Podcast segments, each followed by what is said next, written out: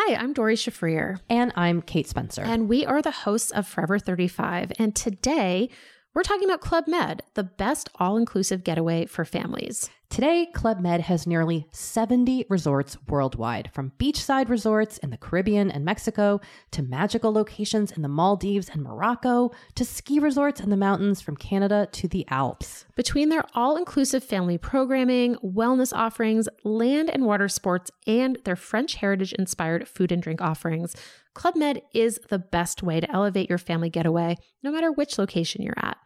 To learn more, visit clubmed.us.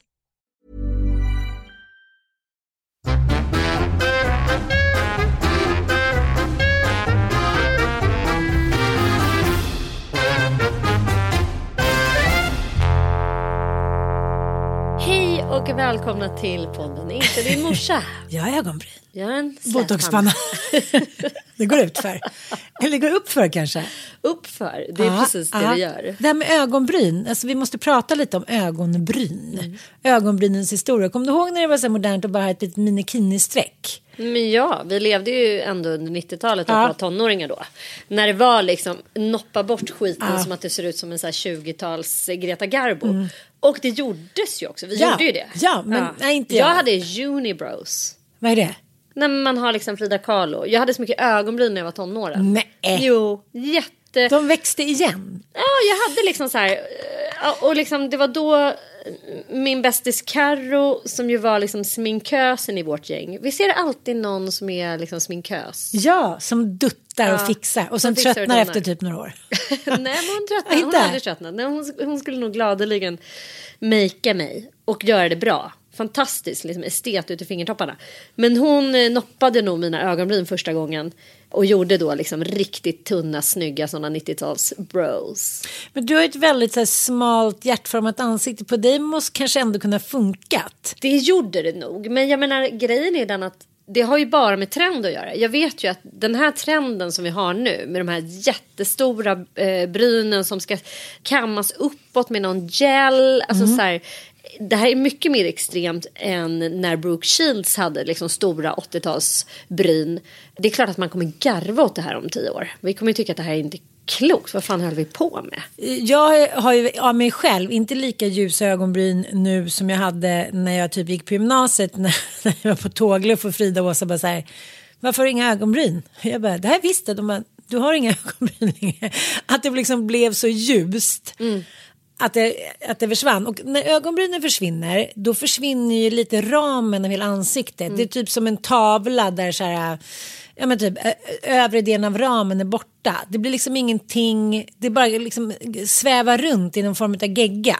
Ja, fast jag tycker både och. För samtidigt så kan det också bli väldigt störande med ett par väldigt stora bryn i ett i övrigt så här väldigt blont eh, ansikte och med, med blont hår och så här. Och så har man bara de här jättemörka ögonbrynen. Jag tror att det handlar om så här proportioner och sen har det att göra med liksom såklart eh, den här när vi börjar närma oss eh, storslagna uttryck. Både så här modemässigt och eh, även liksom, ja, men jag tycker man kan se det i samhället generellt. Att vi har haft en väldigt så här, jag, jag tror verkligen eh, på det. Eh, och jag ska förklara varför. För jag har nu sett två pjäser här inom loppet av en månad. Som Har har, eh, vittnat, ja, men dels, igår såg jag Anna Karenina. Eller det finns ingen kvinna som Anna Karenina på Orionteatern. Och sen såg ju jag en pjäs på Stadsteatern för en månad sedan. Men båda de här pjäserna hade liksom samma tendenser eh, som jag tror vi kommer få se sjukt mycket av framåt. Och det är det surrealistiska, det storslagna, någonting som är helt tvärs emot det naturalistiska. Vi har haft väldigt mycket naturalism. Om du tänker Verkligen. på så här, konst som har varit inne nu, det är så här, eh, målningar som är Natur, fotogra- ja, ja. väldigt här, natur, alltså allting ska vara... Lerin-style. Ja, och väldigt här Norén-style Mm, också. Att, och alla färgval i lägenheter och sånt där nu. Det har varit så här där beigea, amish-lika. Kvinnorna är så här, allt ska vara väldigt så milt, mjukt, eh, naturalistiskt. Trädgräs och stenar, typ. Trädgräs och Ja. stenar. Och nu de här två pjäserna är ju bara så här, bam! Någonting helt annat. Så här, jättesvulstigt, jättestort, väldigt poetiskt, surrealistiskt. Ett språk som pendlar mellan poesi och det supervardagliga. Eh, någon typ av kontakt med Gud eh, samtidigt som det är liksom ja, men bara nere i så här rännstenens eh, vardagsdiskbänksrealism. Jag vill inte avslöja, men Nej. Anna Karenina är ju en... Det är Tone Schunnesson. Ja, ja. Har du koll på henne? ja, gud, jag älskar Mm. henne. Hon har ju skrivit Dagarna, dagarna, dagarna. Bland annat en roman som handlar om en influencer, en så här vet, bedagad den. influencer. Det är inte utan att man känner igen sig Nej, lite. man bara, okej, Man vi tar lite mer ögonbryn bara, sen går vi på nästa biopremiär. Nej, men, men eh, jag tänker på det här med eh, en... eh, Ja, men f- Ja. för att bara koppla det till Unibrosen så tycker jag att de här stora brynen det är liksom ett vittnesmål om att vi, att vi går in i den Ja. surrealistiska tiden. För det, det är, jag tror att vi kommer tycka så här, men gud vad crazy. Det som jag tror är skillnaden med det surrealistiska, om man ska säga 1910 till 1940-tal då. Eh, då var ju även eh, Lenin stor, jag på säga. Då var även eh, Salvador Dalí stor. Liksom. Och det var ju två läger. decon och Ja, art liksom, decon. Liksom. Art decon är ju en av de få eh, inredningskonstformerna som verkligen har hållit på ett helt fantastiskt sätt. Det är så här, det blir bara vackrare och vackrare. Jag älskar allt med art deco. Men också det här att man spelar på sin galenskap. Att så här, surrealismen, är, är det galenskap eller inte? Är det vackert eller inte? Jag, jag tycker det är ganska häftigt. Men man måste ha ganska mycket tid för att upprätthålla liksom en, en, en air som Frida Kahlo liksom har. Fatta och ha den. Man bara, Små, re, små rådjur, det är liksom olika sorters djur och det är halsband, det är kilovis och klänningar och blommor och bla bla bla. Hennes Och, dagliga styling. Det måste ha varit liksom ett arbete som har tagit så här. Förstår hennes flätningar med så här blom, blomsterarrangemang och liksom. Nu är det inte säkert att hon såg ut så här när hon satt och målade en onsdag morgon. Men man får Nej, ju starka vibbar att hon, att hon Verkligen. faktiskt upprätthöll det in i liksom. ja, men, men det, det handlar nog också väldigt mycket om när man skapar någonting och man sätter på sig en kreativ mask. För Mm. nu har jag ju en, en, liksom, en, min älskade Emma som är en 19-åring som kanske inte ser ut som Frida Kahlo men som är väldigt estetisk och liksom kreativ. Och hon sitter ju då i köket varje morgon, tar in den stora spegeln från hallen och liksom eh, sätter på sig sin kreativa mask som hon säger. Och jag så här, går ut och in och så kommer jag tillbaka och så bara, men gud, du håller fortfarande på. Det är contouring så varje morgon. Och Hon säger det att om jag inte sätter på mig den här kreativa masken då får jag inget gjort på hela dagen. Det är liksom lika mycket psykologiskt som eh, ja, men symboliskt. Jag tänkte på det, jag har en, en släkting som jag gav i julklapp förra året att hon, eh, hon fick gå på ansiktsbehandling och fick botox. Ja. Någon tittade, tog, hon är liksom över 80. Någon tittade på henne, tog hennes ansikte, sa att hon var fin, frågade vad hon, hade, liksom, vad hon ville, vad hon, varför hon kände sig så gammal och rynkig. Och gav henne liksom tid i en timme. Nej, men det var som att se så här, ja, men du vet, någon stiga upp från de halvdöda. Det är så här, nu känner jag mig så lycklig, nu vill jag leva, jag känner mig så piffig och att, att det här ytliga må liksom framstå som ytligt vid första anblicken men att det har en mycket djupare betydelse att gå till frisören, få snacka och skvallra lite, någon tar en i en svår... Vi är liksom så jävla ensamma. Det är som när folk går och tar en massage ibland och bara säger ligger och gråter i två timmar efteråt så ingen har rört dem på ett tag, någon tryckte på något ställe. Alltså, och likadant det här med kramar, man ska krama i 20 sekunder. Jag tror inte, vi rör ju liksom varandra och oss själva för lite. Vi är liksom för osnälla mot varandra. Jag minns när jag jobbade i hemtjänsten och i äldrevården så fanns det en typ av massage som hette taktil massage. Ja. Och det handlar liksom bara om beröring. Ja. Och att eh, många människor i synnerhet i, i Sverige, världens ensammaste land och där vi också liksom skyr samsovning och har en väldigt så här, distanserad eh, samvaromodell. Ja. Eller, man ska, vi är inte så fysiska. Nej. Alltså där råder det ju enorm nöd beträffande Mm. fysisk beröring. Och liksom många män som bara direkt kopplar fysisk beröring till sex. Ja. Att det är så här. Åh, det är liksom så. Nu ska sjuksköterskan krypa Aha. ner. Nej men liksom. Eh, det är någonting väldigt deppigt med det på något Ja, sätt, otroligt jag. Mm. deppigt. Jag tänker, pratade med Fia om det också. Varför ska det heta förspel för? För ett förspel är så här, nu kör jag ett förspel på dig så jag får stoppa in ballen. Det är ju det det går ut på. Mm. Så att så här, nu, nu blir du lite blöt och då eh, kör vi på. Ja, men så här, samspel borde det heta. Ja, För det är det det handlat om innan att så här, kvinnan ska då komma igång. ja, man ska få igång. Ja, så att man kan liksom, som mannen får köra sin grej. Ja. Och det är fortfarande det där när man pratar om kompisar som har blivit singlar och så här börjar ha sex med andra. Så här, chocken om mannen inte kommer. Det är så här, "Nej, men jag känner mig så ful. Jag bara så här, gud vad är det nu då? Och har jag blivit liksom, vad tyckte inte han, gick inte han igång? Han bara, och så kanske man bara får en förklaring att men jag är liksom, jag är inte, jag är inte riktigt mig själv för tillfället. Det är, så här, det är inte så viktigt för mig. Man bara, jo, jo, jo, det, det är sedan bibliska dagar. Det viktigaste mannens säd ska komma. Att vi är så, vi så liksom indoktrinerade i att karasluken måste spruta sin säd. Ja. Annars är inte fullbordat. Fast liksom det spelar ju... Oj, nu blev jag så upphetsad att jag spillde kaffet. Men det har ju egentligen... Det ger ju inte oss något mer. På det liksom, sex- sexuella spelet alltid. Det är ju inte så här, gud vad hemskt det blev för att han inte kom. Det är ju väldigt många gånger som man själv inte har kommit under sexuella akter. Och det är ingen kille som har varit så här, nej nu känner jag mig ful. Nu undrar jag om det är min Pilonoppi som är tråkig och liten och ful. Liksom. Och jag tänkte på det när jag eh, sist på bollen såg Fleabag. Har du sett den? Nej. En här engelsk serie som blev så värsta succén 2019. Men så blev det bara två säsonger för hon som har huvudrollen hon blev så superkänd. Hon pratar in i kameran hela tiden. Hon är så här, misslyckas med relationer. Hennes farsa är bara så ett svin. När hennes syrra försöker krama henne då skriker hon. Mam- alltså allting är liksom ganska misäraktigt men hon är jävligt rolig. Och så är det en kille som hon är lite tänd på som ringer henne och frågar om han kan komma över halv två på natten. Och då är det ju pinsamt att hon är hemma själv och väntar. då går hon upp, drar i sig liksom en halv flaska vin, eh, klär på sig, liksom, så här, rufsar till håret, sminkar sig så att när han ringer på dörren ska hon bara så här. "Ja, Just det, att du skulle komma. Sorry, jag kom precis hem. Ja, och sen så ligger de med varandra och sen så, eh, så frågar han om han kan ha analsex. Mm. Och då är hon så här, ja, whatever typ, ja ja, whatever floats your boat, stoppa in den upp i donen då typ. Hon pratar hela tiden med kameran på så otroligt roligt, oh, quite big. Oh, ja men det blir så här, eh, verkligen avväpnande, så här, ja ja, whatever typ. Alltså inte på något så här sätt att man känner att hon blir övergreppad. Men hon är, ja, liksom, det var väl ingen biggie. Och efteråt så är han, han är så tacksam mot henne. Dagen efter när han ska gå så bara sitter han och klappar på henne och tittar på henne. Så låtsas hon sova. Hon bara okej vad är det nu? Nu ska han titta på mig med kärleksblick. Nu är du kört typ. Han bara I really need to thank you typ.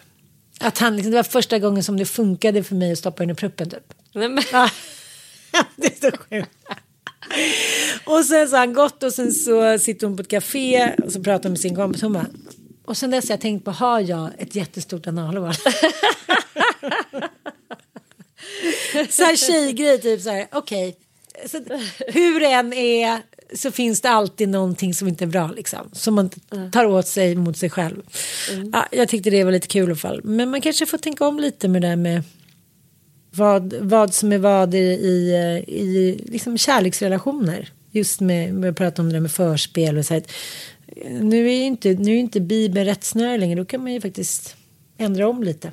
ja, men det verkar ju vara så jävla svårt. Det är väl det vi håller på och ältar hela tiden. Så här, vad är vad och hur, liksom, vi får ju mönster med oss. Liksom. Det här är eh, ett sätt att leva och jag, jag får en väldigt stark känsla av att de där eller det är inte bara jag som får en känsla av det. Det har väl konstaterats i stort sett all psykologisk forskning senaste liksom 150 åren i alla fall. Att barndomen på något sätt skapar oss som mönsterdjur. Och sen är det väldigt svårt att bryta de där mönstren. Det krävs väldigt mycket. Alltså att etablera en vana är enklare än att bryta den.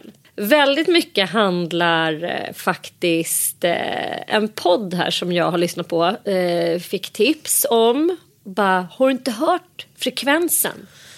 Du som är helt inne på såna där grejer. Jag bara, frekvensen, what? Nej, det är för fan Sveriges mest lyssnade podd. Jag vet. At the moment. Jag bara, ha vad är det? Nej men då är ju det Fredrik Eklunds, Sigge Eklunds lillebror som är stjärnmäklare då från New York. Han har gjort, det har gjorts liksom hans dokusåpa om honom och tv-serier och eh, han har skrivit bok som heter Sälj tror jag. Flera Eh, böcker, va? Ja. Flera böcker liksom. Han, han är ju eh, enormt framgångsrik Ja. i sitt gebit. Nu bor de i Los Angeles. Frekvensen är hans eh, monologpodd kan man säga. Därför att han är helt ensam.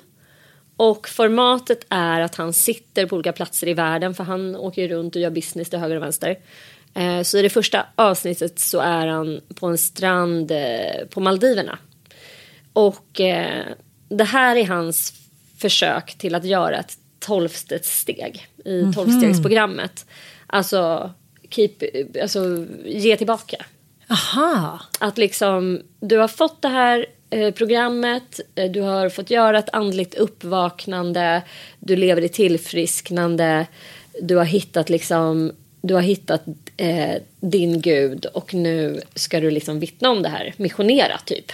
Alltså så kan man väl kortfattat säga att det tolfte steget liksom, eh, att man ska göra service.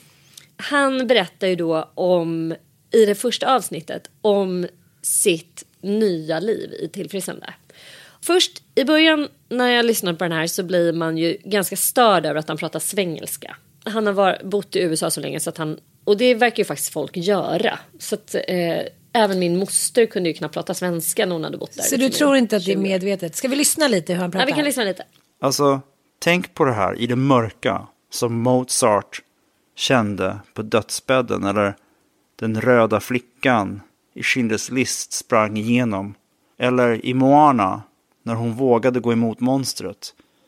Att man vågar hitta ljuset och tro på det. Det är ju en, en Dolph Lundgren men obekymrat. Alltså, Obekymrat och han, han njuter ju liksom av att Ja. eh, prata svengelska. Men jag bestämde mig att jag måste bara skita i det här. För att efter den här timmen, inledande timmen, så har jag liksom blivit kär i honom. Jaha.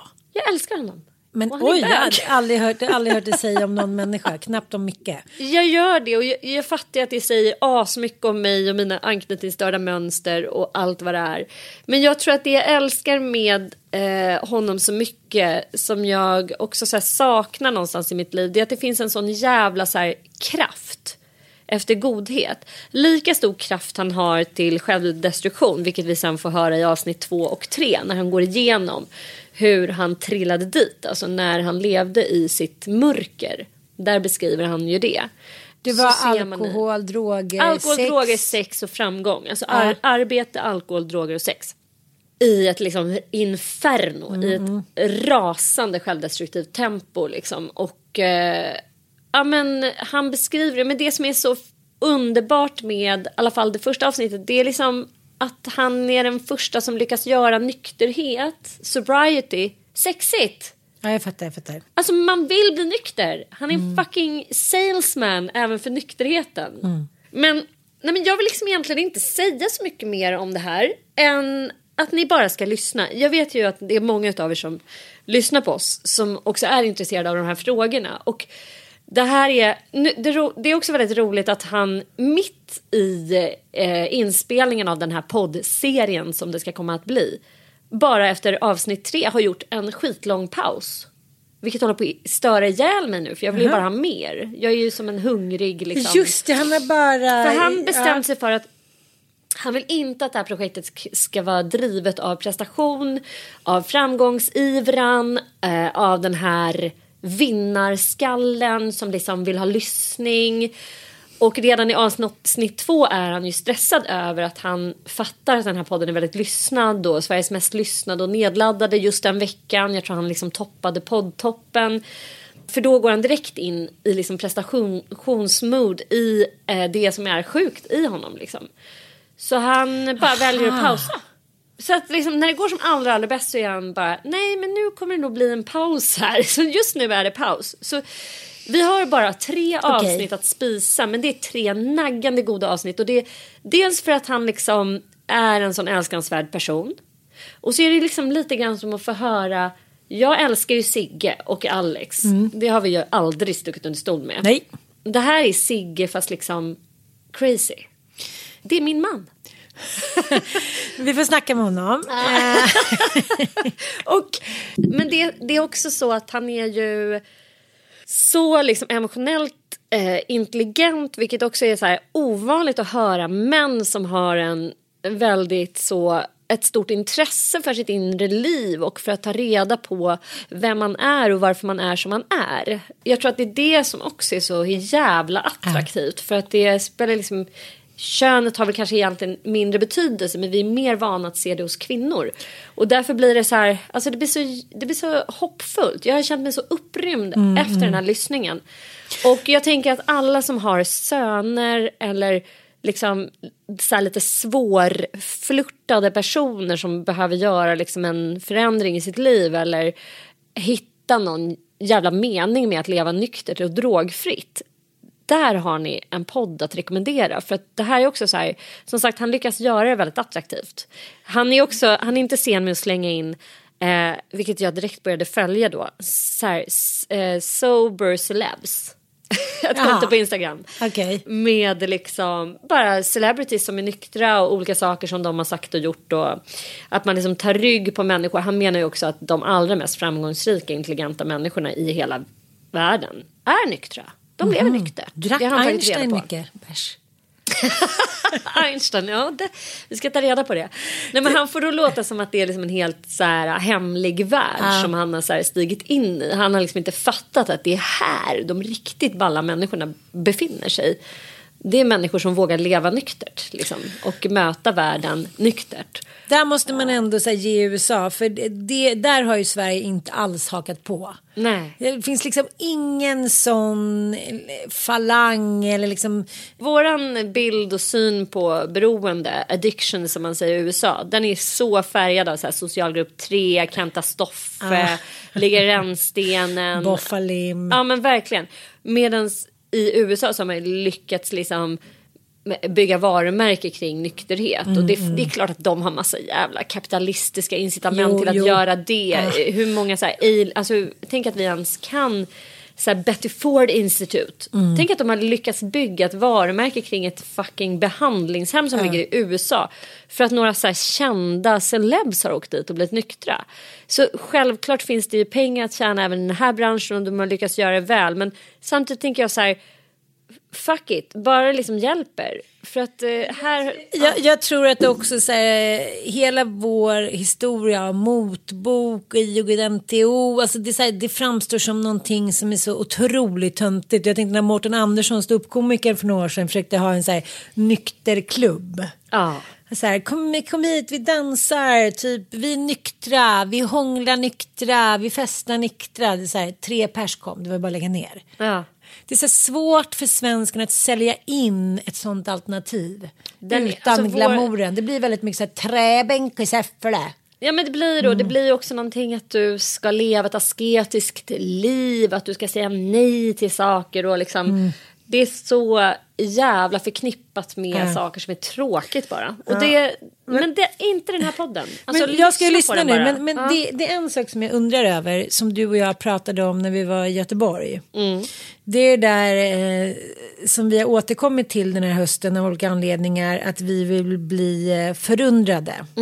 Vi vill ha förundranstecken. Mm. Och det kan jag säga, här har vi en kille som är förundrad. Det är det jag menar. Ja. Alltså han är så förundrad. Och han bygger liksom en egen tes att eh, frekvensen, eller Gud, Ja. alltså den upplever man ju i en blomma om våren, en liksom klarblå himmel som idag är marsljuset, i liksom en filmscen, i den är där hela, hela tiden och den är bara i nuet. Och ju mer vi uppehåller oss i tankar på framtiden eller i- tankar på, på eh, vårt förflutna, desto mindre kan vi uppleva frekvensen.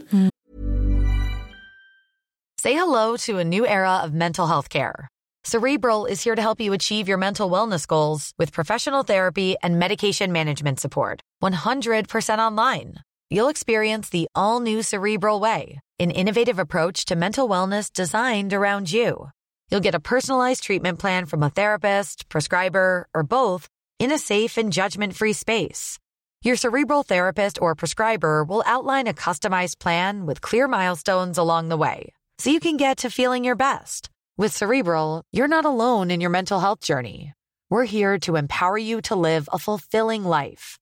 So take that first step towards a brighter future and sign up today at cerebral.com slash podcast and use code ACAST to get 15% off your first month. Offer only valid on monthly plans. Other exclusions may apply. Offer ends July 31st, 2024. See site for details. Hi, I'm Dory Shafrir, And I'm Kate Spencer. and we are the hosts of Forever 35. And today we're talking about Club Med, the best all inclusive getaway for families. Today, Club Med has nearly 70 resorts worldwide, from beachside resorts in the Caribbean and Mexico to magical locations in the Maldives and Morocco to ski resorts in the mountains from Canada to the Alps. Between their all inclusive family programming, wellness offerings, land and water sports, and their French heritage inspired food and drink offerings, Club Med is the best way to elevate your family getaway, no matter which location you're at. To learn more, visit clubmed.us. Och att frekvensen egentligen är kärlek. Ja. Och att det är kärlek till alltet, till, till det här jordklotet. Och att det finns så starkt hela tiden. Och i nykterheten så känns frekvensen så mycket starkare och finns där i, i överflöd. Och att han sökte frekvensen när han började dricka, droga, sexmissbruka. Han beskriver till exempel när han är 12 år och eh, onanerar för första gången och kollar på MTV. Alltså den här första komningen när man bara så ligger och runkar 15 gånger på raken och är bara så här, ja men liksom så här. Och han beskriver också sin första fylla. Eh, hur han också upplever någon känsla av gudomlighet. Nej för fan djävulskap ska jag Ja, säga. Hades du- vars Nej, men liksom innersta den gånger. lurar oss. Droger, sex, alla typer av beroendeframkallande beteenden lurar oss att tro att det är här frekvensen finns. Problemet är att du upplever den så otroligt kort tid. Och sen kommer det bara konsekvenser av det. Alltså du, du behöver mer och mer för att uppleva. Du får aldrig tillbaka den där första ruskänslan. Och det beskriver han så jävla klockrent. Han är, han är så påläst. Eh, han är så innerlig. Jag tror att vi också är ovana att höra ett sånt här oformaterat format, vilket jag älskar med den här podden. Han bara svadar på. han svadar på. Den ena är liksom en timme och en kvart, nästa är 40 minuter. Det finns liksom ingen tanke, det ska inte vara välproducerat för det kan jag känna nu att så här, Sveriges Radio är all ära, alla producent, stjärnproducenter från DI som kommer och bara bygger så här, som vi har lyssnat på eh, podden om Spen, Sten, dyn, dynastin, om, om Stenbecks-familjen i tre Slick. akter. Det, det är en redaktion på liksom 30 pers nästan som har gjort den där podden och den måste ha kostat liksom en miljon åtminstone att tillverka och det är specialskriven musik och den är så här välproducerad. Fantastiskt men jag vill ha de här poddarna Jag som är med. bara så här Jag med. Oborstade. Ja, oborstade, vilda. Det är bara Mm. så här samtal som flödar. Man vet inte vad som ska komma. Det finns någon så här... Tyst, att nu kommer våra komponera musik. Ja, det, liksom, det är någonting som tar udden av det lite när det blir sådär. Jag kan tycka även så med dokumentärer eller filmer att det är härligt när det är oborstat och det filmas på lite. Det var därför jag tror att kungen och jag kändes lite rolig och annorlunda för att det var som man följde med kameran även när det borde ha slutat filmats och bla bla bla. Ja men intressant, vi kan väl avsluta med och eh, lyssna ett litet stycke till på det här.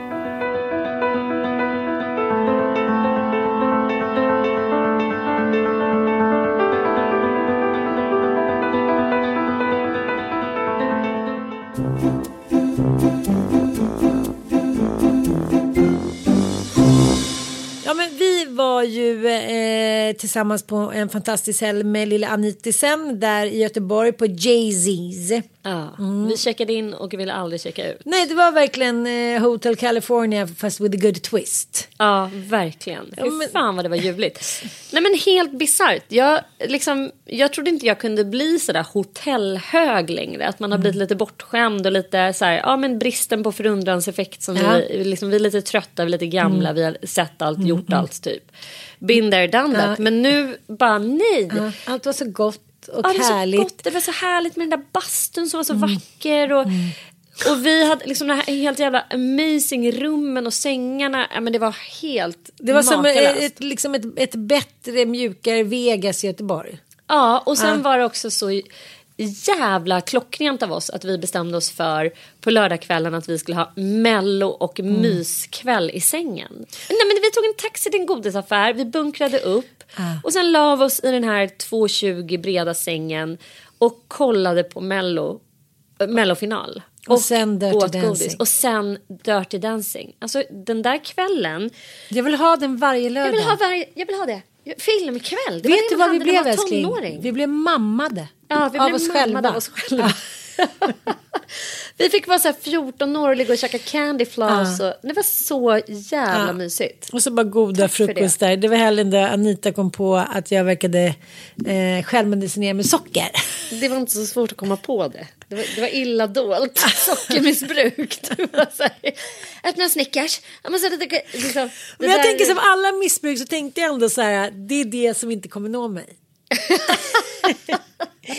Och nu är det så roligt, jag pratade med Lotta på vägen hit till podden. Hon bara, vad gör du? Jag bara, jag förstår att jag har lite bullar i munnen. Eh, men jag hörde precis i Anita Sedin podd att du har ju eh, sockerutmaning. Du ska ju inte äta socker på tre veckor. Jag bara, nej vad ska jag äta en bulle? Jag har liksom helt definierat Om socker, socker, socker ja. nu, det ska vara så här, det, det ska vara godis, men Ja, allt annat det, kan du Det äta måste då. vara så här små godis i förpackning. Ja. Det tackade jag nej till igår faktiskt. Och glass tackade jag nej till när jag insåg att det kanske också var socker. Då eh, så låg vi där och eh, förundrades av Doreen. Loreen. Men gud, vad är det med? Jag måste på hälsoläger. Loreen, förlåt Loreen, I love you. Hennes eh, supervältrimmade kropp, hennes mun, hennes ögonbryn. Apropå att vara lite surrealistisk. Ja, verkligen. Hon- Där har du hennes Ja, realistiska ja, look. Men, men så här, Väldigt så här expressionist, så här, Ja. ska liksom, och hon dansar och det är poetiskt och det är liksom mycket och svulstigt. naglarna. Och, ja. Men det är alltid liksom, det är ju den där, vad ska man säga, sexuella twisten som kanske inte Frida Karl hade. Säg inte det på den tiden. jo, jo. Och sen så hade de intervjuat henne i SVT, bortklippt nu så jag kan inte inte ta upp klippet. Där de frågar henne hur hon firar ju. Och då sa hon ju, jag, jag är lite tråkig men jag ska äta eh, pasta. För jag har ju inte käkat spaghetti på tre månader. För att det, ja, det krävs ju träning och alltså, att sjunga och dansa och liksom, be- ja. Det där numret kräv, krävdes riktigt hård träning. Liksom. Så nu ska jag fira med en pasta. Och sen så spelar de upp det i eh, Lilla Aktuellt. Och det blir ju liksom ramaskri. Caroline Engvall, eh, journalisten eh, och debattören, eh, skriver i Expressen att så här, vi måste ta ansvar eh, för att 8 9-åringar ska höra att så här, man kan inte käka pasta. Och man ska... Och sen så känner jag så här, okej, det- nu är det här ett dilemma för mig. Å ena sidan så känner jag så här, vi har ju pratat om, om våra uppväxter, att våra morsor var så här, ja men gud de var så chosefria, de bantade aldrig hit och dit. Nej men de s- ciggade ju, de drack vin, min mamma tränade inte i alla fall. Det var lite tennis och liksom lite cykling på såna här eh, chartercyklar hit och dit. Men annars så, så hon var ju inte liksom på pappret var hon ju inte särskilt hälsosam om man skulle sätta henne bredvid till exempel Malin Berghagen idag. Utan det var ju så här 80-talsmorsan. Som drack vin och ciggade och liksom, eh, nu bantade inte min mamma men, men det var jävligt mycket alla de här liksom horribla superdåliga dieterna kommer från 80-talet. Banandieten, äggdieten, ja, mm. flygvärdinnedieten. Så man kan ju avfärda det som så här, gud, tv och media och Instagram, det sätter sån otroligt hård press på, på ungdomar. Men då tänker jag så här, ja, att hon säger att hon säger ju inte bara så här, jag ville bli smal och därför åt jag inte på, pasta på tre månader. Hon sa så här, det krävs otroligt mycket för att klara av det här numret. Jag ligger ner, jag dansar, jag ålar mig. Jag har verkligen varit tvungen att träna hårt. Och det klipps ju bort då. Och sen blir det debatter hit och dit och ramaskri. Och sen så kan jag inte bestämma mig för vad jag tycker. Nej. För att så här, Loreen är inte Annika Fagerström som ska gå och jobba eh, i, i kassan på ICA. Alltså jag, jag lägger ju ingen jämförelse men hon ska ju upp dit för att liksom skapa ett, här, ett otroligt erotiskt, eh, djuriskt, sexigt, fantastiskt nummer vilket hon gör. Hon mm. förtrollar ju hela jävla Sverige. Alltså jag, jag fattar att säga Lille Aktuellt så kanske man inte vill uppmana eller men samtidigt så tänker jag så här eh, när ska vi berätta sanningen för dem då? Alltså prima ballerina, tror att de sitter och vräker i sig mm. Eh, liksom Big Mac och Company? Det gör de inte. Nej, alltså, alla har typ det går inte. Ätstörningar. Alla har det och det är fruktansvärt. Sen kan vi, det kan vi också diskutera. Ja. Eller eh, merparten av alla aktriser och skådespelerskor som också håller diet. Eh, inklusive män, modeller. Alltså ska du visa Verkligen upp inklusive ditt män. Hela tiden. Alla ja. sport, idrottskvinnor och män. Ja, titta på alla varenda fotbollsstjärna. Det mörkas ju. De, alla håller ju dieter. Ja. Och även de som åker, liksom, tävlar i OS och simning. Ja. Alltså Emma Igelström, ah, hela gänget är ju ätstörda och får ofta ätstörningar. Det är helt fruktansvärt. Brottning och boxning. För... Ja. Hämta, hämta Musse och de från bastun för de sitter och försöker gå ner tre kilo på två timmar. Ja. Det tycker man bara är så här, det är sportigt. Simon och Camilla så här, när ja. hon ska, eller han ska gå upp sina matcher. Bara, han måste ner i en lättviktsmatch här typ. Ha? Då det, gör det ingenting. Så fort det handlar om om idrottsliga prestationer eller scenframställanden ha. då ingår liksom hela konceptet med självsvält och for, forma kroppen. Och jag vet inte riktigt hur man ska komma åt den problematiken. Det måste ju till någon massiv då, eh, så att vi bara aktivt ska välja bort stjärnor då som ser ut så där. Eller ska vi bojkotta Loreen då, eller vad är lösningen? Eller Caroline Engvalls kritik var väl framförallt riktad till media. Att så här, vi ja. måste ta ansvar för hur vi framställer. Man ja. kanske inte ens ställer en sån här fråga. Men det var ju inte, jag tror, om jag har förstått rätt så var eh, de frågade henne efter. Mm. Eh, liksom, Hur var, ska du fira? Precis, och så kom hon själv var, in på det. Ja, det var inte är det så här, inte lite att censurera verkligen då? Så här, jag tycker det var inte så här, hej barn. vi kommer från Lilla Aktuellt. Det var ju bara en rak fråga. Ja. Och jag tänker så här, vuxna människor kan väl förstå när de ser henne. Så här, ja, jag har liksom fixat och foffat. Jag har inte varit med, liksom, jag har inte synts på flera år. Mm. Och liksom hela bilden av mig är att jag ska vara någonting sensationellt. Jaha, nej men vi trodde bara att du gick upp och såg ut sådär. Hon har ju för fan gjort allting. Det är läppar, det är hon, mm. hon är ju liksom en, en, hon är en karikatyr. Hon är en fantasi. Alltså. Ja, hon är fantasi ja. och det funkar. Mm. Men hur, liksom... Det är klart att det kostar någonting. Ja, det alltså, kostar det alltid det, någonting ja. och det ska vi aldrig erkänna i det här landet. Och det tycker jag är ännu farligare. Att säga, vadå, hon ser bara ut så där eller han är bara så där smart eller hit och dit. Nej, alla människor som hamnar där måste offra någonting. Jag tycker Sara Blakely sa det så bra på sin Instagram. Vet du vem det är? Nej. Uh, jag är väldigt uh, besatt av henne. Eller besatt inte, jag är besatt av både henne, eller Ossian är besatt av hennes man. Mm -hmm. och jag är besatt lite av henne för jag tycker att hon... hon har ju koppar då som hon skriver citat på. Okej. Okay. Och sen så liksom sätter hon ut dem så här på Instra. Liksom, ja men här är hennes då yeah, I run like a girl, try to keep up. Och så skriver hon liksom någonting om det till exempel. Och här har hon det. Ja, hur som helst, hon för 20 år sedan så började hon eh, hemma hos sin mamma med ett, klä, med, med ett byxmärke som heter Spandex. Mm. Har du hört talas om det? Ja. Mm. Det är ju liksom eh, sådana här som eh, Drar in? Ja, mm. liksom sådana där formande kläder. Ja, som man tänker sig att engelska brudar har. Mm. Som ser ut som en blandning av plast och skinn. Mm. Ja. så är hon gift med en så galen äventyrare som heter Jessie. Som är så här, springer olika lopp hela tiden med sina barn. Och de har fyra barn. Och liksom allt är ändå ganska gulligt. Mm. Men de är hårt arbetande båda två. Och då skrev hon häromdagen. På sin kopp då. When you're getting your shit together, it gets lonely, but choose growth over company. Here's something self help books won't often tell you growth is lonely. That's why so many people become stuck and stay stuck. It takes constant commitment, day in and day out, to see real growth in your life. When I was building Spanx, I spent years, almost a decade, mostly alone. I took myself out to dinner alone. I went to the department store to sell Spanx alone. I even went to Hibachi alone. Vad är det? Jag vet inte. Ah. Uh, my social life was almost non-existent, but the alternative wasn't an option. Before that, I was living at home with my mom, selling fax machines door to door and trying to stand up trying to do stand up comedy, but I wasn't that funny.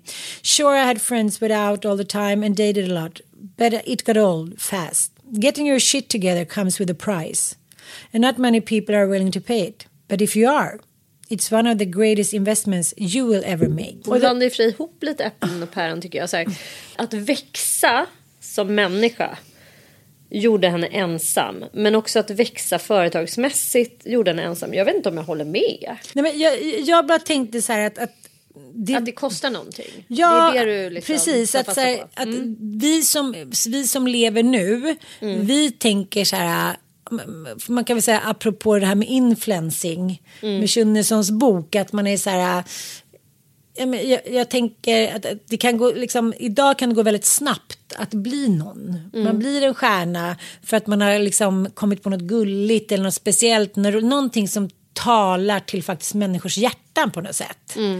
Men när man inte har liksom någon bakgrund så kan man också bli så utsparkad i, liksom, i mörkret ganska snabbt om gulligheten försvinner. Eller det som liksom talar till hjärtat eller, så här, eller bara till talar som är lite annorlunda.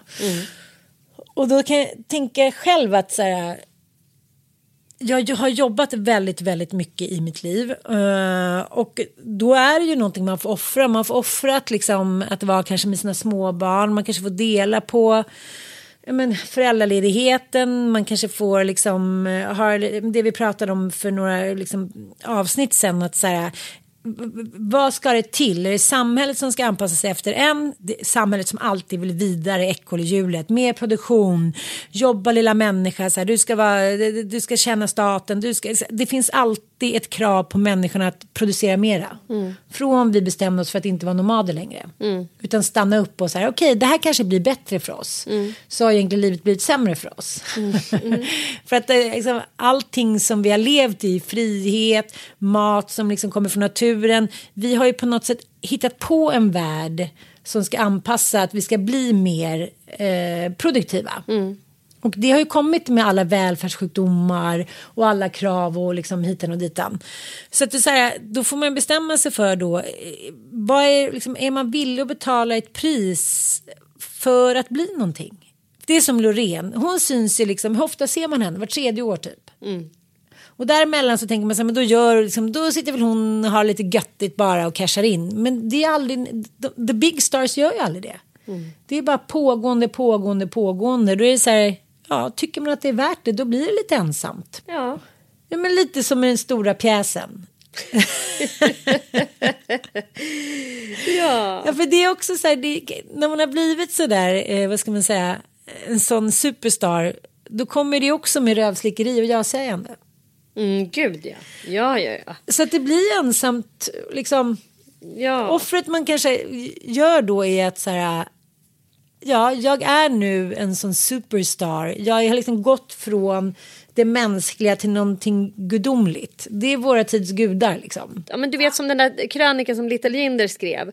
Om eh, hennes liksom bantande. Att, eh, vi- tänker alltid att bantande handlar om ätstörning. Anna Björklund har ju varit inne på det här också. Att, så här, att börja laborera med mat och eh, hunger och eh, mättnad. Det är liksom ett sätt för oss att bli höga. Det skapar kroppsegna endorfinpåslag. Både att äta gör det, men också att svälta sig. Du får ju liksom bedövnings... Olika typer av kroppsegna må bra-hormoner när du går in i svält. För att kroppen ska skydda oss. Eh, men det handlar ju också om en känsla av kontroll. Att man faktiskt kan bestämma över vad jag ska stoppa i mig och inte. Jag kan bestämma hur min, mitt yttre ska se ut. och det Mm. vem jag i sig vara. är också brusande. Vem jag ska vara, hur jag ska framställa mig. Jag tror du är lite grann inne på det när man går och gör sina ögonbryn. Eller när man klipper sitt hår. Att Mm. man är så här, jag bestämmer hur jag ska... Jag äger mitt eget narrativ. Mm. Och när man inte gör det, för det är sjukt många som går runt och har självhat över sitt utseende. Alltså att man avskyr hur man ser ut och avskyr eh, att man inte kan välja det. Att det är en sån kontrollförlust. Det är vissa saker som vi bara inte kan förändra. Det är de framförallt liksom vårt eget utseende. I, i, tror vi. Ah. Så därför försöker vi kontrollera det. Och det gör oss liksom mer eller mindre höga. Att så här, men, jo, men jag kunde göra någonting. Det ser man ju på personer som går och gör liksom skönhetsoperationer. Jag förstår att det är beroendeframkallande. Att man liksom bara, men gud jag kunde göra näsan smalare. Jag som har levt i liksom 20 fucking år och trott att det här är mitt öde. Men det gick att göra någonting annorlunda. Eller de här små brösten som, gör. Mm. som jag tycker så här, jag, är inte alls, jag vill inte ens vara med när vi ska göra någonting på jobbet hit och dit. Mm. Det, det här, alltså, när saker och ting begränsar en och man tror att det är ens liksom, lott i livet att det här ska begränsa vi, mig. Att det är liksom att vi upplever att vi eh, har saker som vi inte kan kontrollera och det är brusande och känna att jo, det gick liksom. Det är någon Mm. typ av väldigt stor kick i det. Det tycker jag att, eh, ja, men det tycker jag att Erik Galli också eh, vittnar om i det tv-programmet Under kniven där han eh, ja, men liksom granskar eh, skönhetsindustrin kan man säga och skönhetsoperationerna och det, det är liksom, han kom ju till en slutsats i, i det programmet vilket jag, han också fick väldigt liksom mycket kritik för att han inte problematiserar det här tillräckligt. Och det säger rätt mycket om, om vår tid om man jämför med de här kroppspositivisterna med typ Karin Kajan, Stina Wolter, Nina Rung i viss mån. Liksom att så här, de är ju äldre Ja. än den här yngre generationen som på något sätt bara väljer typ omfamna att nu är vi så här och jag orkar inte liksom ändra på det typ. Jag vet inte, det, det är liksom en mer så här acceptans inför det faktum att så här eh, är, var vår tid. Och nu blev det så här, alla gör skönhetsoperationer och vi kan inte hålla på och hyckla om det och vi tänker inte förändra det heller för att alla unga idag sprutar botox, alla unga idag röker weed. Och så är det vi som är så här äldre som bara nej det här måste förändras. Så här, alltså, Too jag- late man. Too Eller late typ. man säger de unga. Typ. Nu är vi här och jag tänker förhålla mig till det lite mer accepterande och typ kärleksfullt. Eh, men Jag tycker det var så roligt med Anna eh, Kattlund, eller som eh, Anna, Anna Björkis. Ja. Hon har ju flyttat nu till någon form av eh, skärgårdshus. mellanboende. Hon ska bygga ett eget hus och därför hyr de ett hus nu. Aha, okej, okej, okej. Mm. Ja, hennes senaste inlägg i alla fall så här, är i nionde med mitt fjärde och de senaste veckorna har kanske tio personer oberoende av varandra spelat förvånande när jag nämnt att jag är gravid och sen förklarat sitt märkliga beteende med att viska, ja sånt vågar man ju inte fråga om nu för tiden. När jag tittar på mig själv och ja, om man måste låtsas att jag ser ogravid ut så har artighetstystnaden gått för långt va. Och så har hon lagt ut en liten bild där hon står då på, eh, på en trappa och eh, filmar sin mage som är Den är modell större ja. Ja, den är modell större. Och då, då tänkte jag också så här, hela den här liksom samtiden som är nu, eh, människor är så rädda. De är så rädda för privata drev, de är rädda för offentliga drev. Man är liksom rädd, vi är rädda. Att en kvinna är så här, går omkring med en mage, typ modell, liksom inte en trådsmal modell på Instagram, utan en mor salig mage, det är en rejäl nio månaders. Där liksom inne ligger inte någon liten bebis och det är inte någon som har svultit sig under liksom graviditeten. Och folk säger, jaha, är du med barn? Då undrar jag så här, det är någonting som inte stämmer. Det är någonting som inte stämmer. Eller? Det är en krock mellan det här obviously. Alltså så här, vi lever som sagt i ett sammelsurium av olika tidsåldrar och idéer som florerar. Dels så har vi ju liksom en väldigt stark PK-maffia som finns i vår generation, så här 70-talistmorsor. Och sen har vi ju liksom eh, 80-talisterna som är de här stockkonservativa, eller 90-talisterna kanske ännu mer, som ägnar sig åt liksom amishlivet som vi har varit inne på, 80-talister och 90-talister. Men sen har vi ju de här eh, ungdomarna av idag som är mycket mer dekadenta. Ja, men så här Erik Galli-typerna som är så här. Jag skönhetsopererar mig, jag har gruppsex, jag liksom röker och har en unge samtidigt. Alltså, det, är någonting, det, är, det är någon slags motrörelse mot den här moralismen, mot den här liksom ganska stränga, återhållsamma, här, svenska liksom, moralens väktare Ja. typ. Alltså upplever jag det som. Ja. Och det är liksom Tone Schunnesson som kommer nu också. Att det är så här, hennes tolkning av, för att binda ihop säcken här nu så såg jag ju alltså Anna Karenina, eller Tone Schunnesons tolkning av Anna Karenina på Orionteatern igår. Och det är en fantastisk jävla uppsättning. Så att, eh, den kan jag varmt rekommendera. Den har fått så här, strålande recensioner så jag är inte ensam om att tycka det här. Den lämnar liksom ingen oberörd. Men hon är också inne på ett tema som jag eh, också tycker mig se i tiden nu som jag tror kommer komma tillbaka. Att vi har levt så här, om vi tittar på så här den här 80-tals liksom instagrammern med så här Kenza, de väntar barn, det är återhållsamt, det är beige, det är perfekta små magar, de gifter sig med sin man. Men det finns ingen galenskapspassion. Nej. Och här har vi i Anna Karenina liksom den här galenskapspassionen. Det är liksom ett sexmissbruk deluxe. Du vet ju grundhistorien med Anna Karenina. Ja, ja, ja, Hon är gift eh, i ett perfekt litet eh, äktenskap med sin man och det är så här, det är stabilt, det är lugnt, det är så här, och sen drabbas hon av den stora passionen. Mm. Och när kvinnor gör det så väntar i stort sett bara döden, för det är liksom Mm. den stora skammen. Du kan aldrig komma eh, ur en sån här stor passion levande.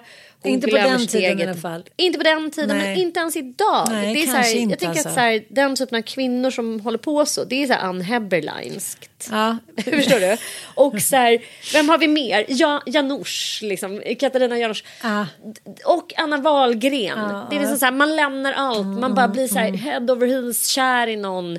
Det blev galenskap liksom. Och, man så här, det, det är det jag spår komma tillbaka nu. Att det kommer komma mycket mer så här svulstighet, passioner, stora känslor. Man, man vågar släppa taget. Surrealism, släppa Jag bara- taget. Det fick gå åt helvete. Man rasar Ja. i rännstenen. Man, Man, liksom, ja, man, Man, man reser sig igen. Man Ja. måste våga för att Man måste våga leva. våga. Man kastar men, men är det inte så här att, att människor har levt, feglevt i tio år nu. Sen Instagram på. blev större Ja. så tänker jag så här, det är ingen som vågar tappa ansiktet. Det är ingen som vågar erkänna att så här, jag blev svinkär och lämnade allt och sen så vill inte hen ha mig så nu försöker jag få tillbaka eh, min, Det är därför man. jag tror att jag Ja. längtar så mycket efter typ Quetzala Blancos Ja. gamla blogg. Som var så här, Ja. det var dekadens. Det är liksom, Ja. Nu är hon också stadgad tyvärr. Nu är hon så stadgad och det är liksom, hon har ju för fan gift sig och det, det är ordnat. Josefin. Crafoord, alla ni singlar ute, bjucka på lite mer galenskap. lite mer galenskap. Så här,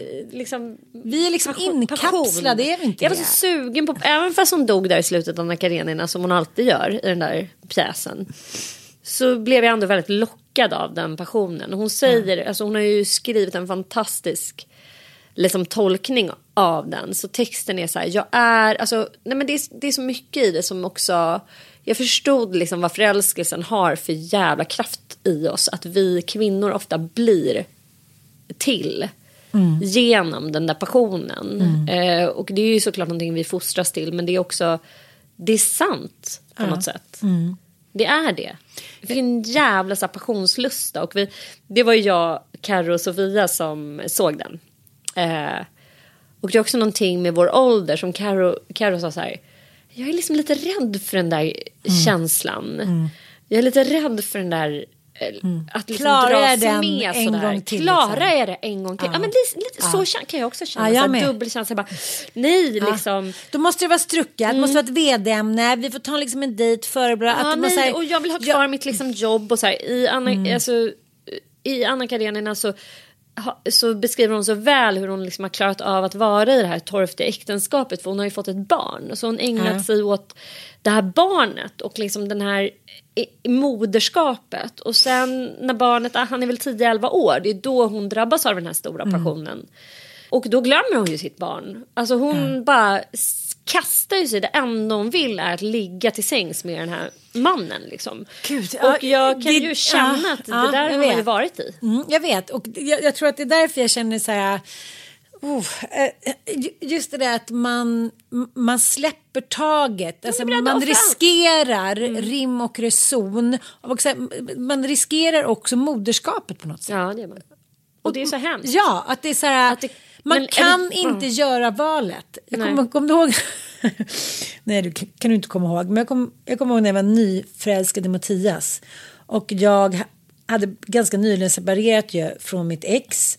Eh, jag hade flyttat till min lägenhet och eh, jag hade fått barnen. Och så skriver han till mig så här, hej nu är jag hemma, från, nu har jag kommit hem från USA. Och jag, det är som att jag från en sekund till en annan förvandlas till, liksom, ja, det är mitt i sommaren där, vi ska åka och bada på Långholmen och så här, till en galen kvinna.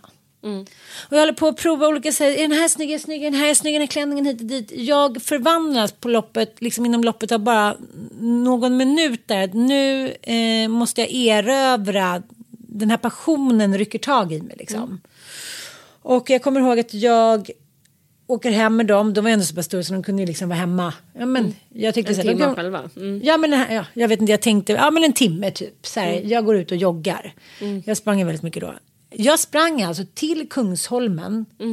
På en så här rekordtid även för OS-löpare. Jag bara så här, kom dit, blev liksom lite påsatt där på någon eh, liksom köksbänk. Jaha, och sprang tillbaka inom loppet av typ tre kvart. Från högst upp på Södermalm till längst ner på Kungsholmen, ett litet gökar och tillbaka. Men Och- man är som en sån här kåt katt i mars. Ja. Alltså jag så jävla hög. också Bättre än träffade- alla droger i Ja, världen. vet. Bättre än alla rusningsmedel. Det är så här. Jag, jag, när jag tänker på det nu så känner jag så här. Nej men det kommer bli min död nästa gång det sker. Jag, liksom, nej, jag klarar inte. Förälskelsen. Ja. Och ändå så när du sitter och berättar om Karenina så blir jag så här. Men Ja. nu när du säger det. Och Kanske en även när vi liten... såg Dirty Dancing, vi Ja. bara, nej men Ja. gud, så här, lika delar så här, enorm längtan efter det där tillståndet, Mm. men också enorm så här, rädsla för det. För att jag vet att den där mentala besattheten, att så här, sätta igång den igen, jag är helt ointresserad av jobb, barn, hästar, Mm, ja. allt. Helt ointressant. Det funkar inte. Evig kärleksmissbrukare. Och sen, när det, och sen när det väl händer. Ja, så Och nu, härligt. säger så, kom, nu kommer jag nog, ja, men det, nu kommer man aldrig bli, mer bli sådär kär. Och så ser man nästa så här, du vet 50-åring, 70-åring, så är man så här. Men, men det är också, man kan ju också bestämma faktiskt för att man är villig att bli drabbad. Ja, det kan man ju. Att man liksom öppnar dörren för det där. Absolut. Mm. Det var liksom det enda jag ville när det tog slut Mm. med Ville. Så var det ju som att jag var så här. Hej, nu Äh. går jag ut där och det enda jag har, Mm. målet jag har för ögonen är att jag ska få bli så här handlöst förälskad, passionerat Ja, men, men jag tror också att det handlar om att man måste ha genomgått då en längre tristess. Är du med mig lite? Yes. Ja, för jag tycker hon beskriver det så otroligt bra, Paulina Poriskova. Den osprutade modellen. Eh, på Instagram. Att hon hade varit ihop med den där ja, gubben i The Cars i typ 32 år. Sen hon var så här, ja, men, jätteung och han ganska mycket äldre. Han var väl så här 30 år äldre.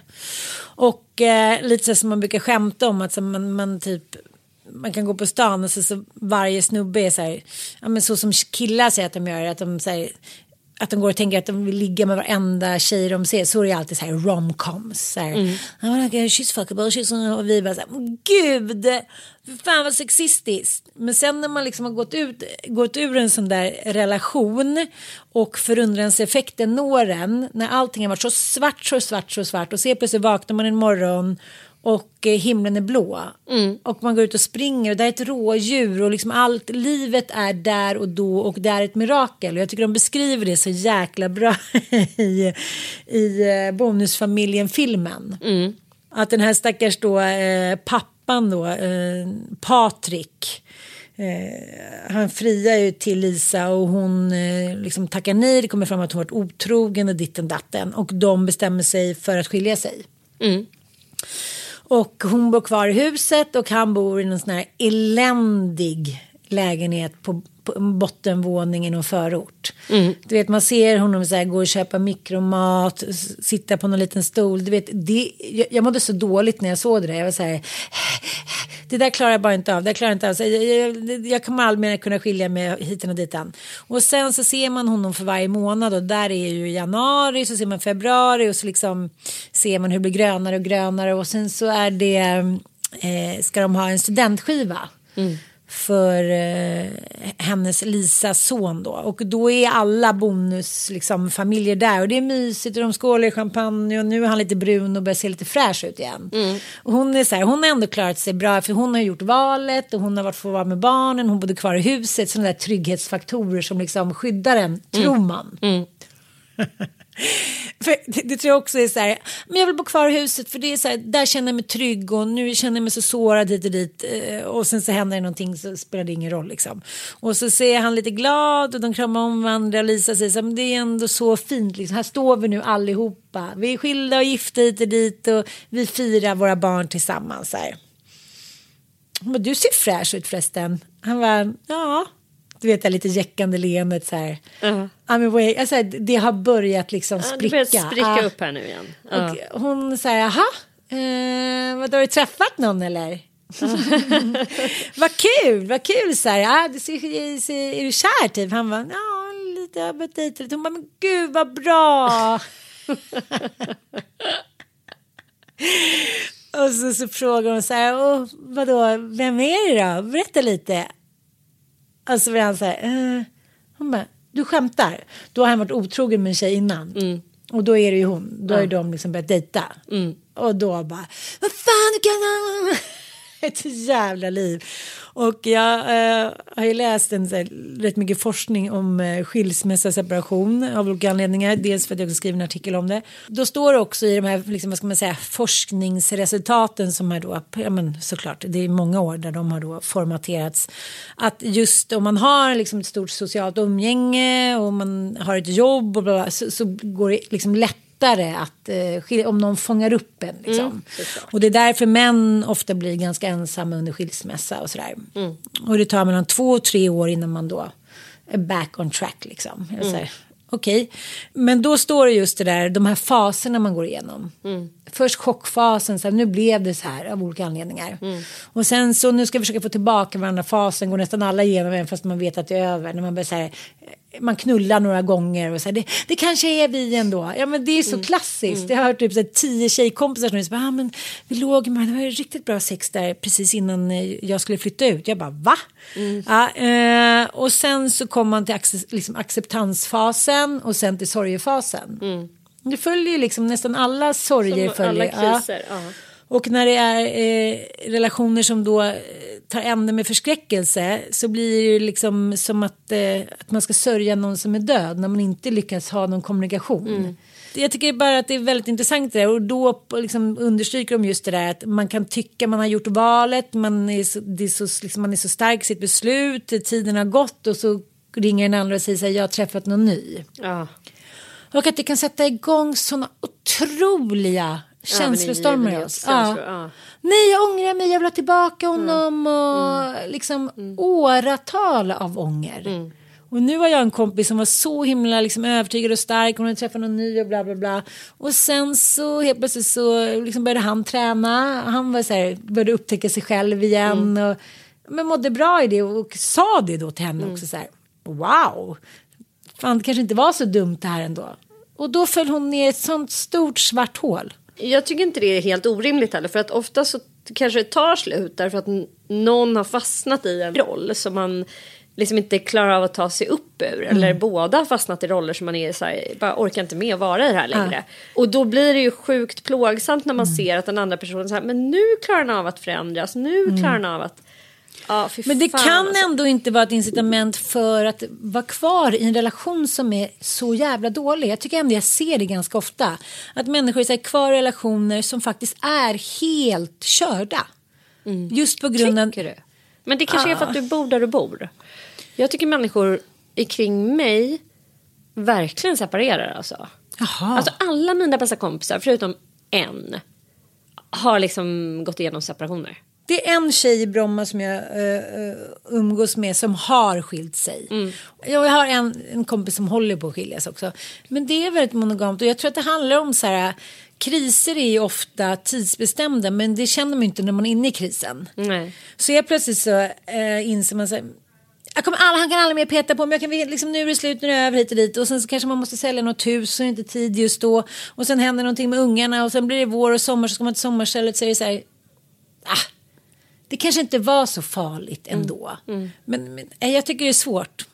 Det är, svårt. Det är svårt. Nu kommer eh, Loreen Syrär.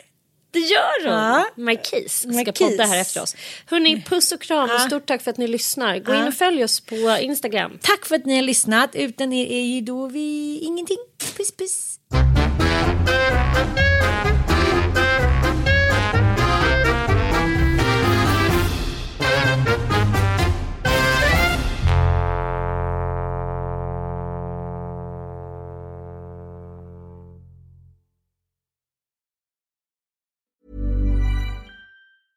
Hi, I'm Dory Shafrir, And I'm Kate Spencer. and we are the hosts of Forever 35. And today we're talking about Club Med, the best all inclusive getaway for families. Today, Club Med has nearly 70 resorts worldwide, from beachside resorts in the Caribbean and Mexico to magical locations in the Maldives and Morocco to ski resorts in the mountains from Canada to the Alps. Between their all inclusive family programming, wellness offerings, land and water sports, and their French heritage inspired food and drink offerings, Club Med is the best way to elevate your family getaway, no matter which location you're at.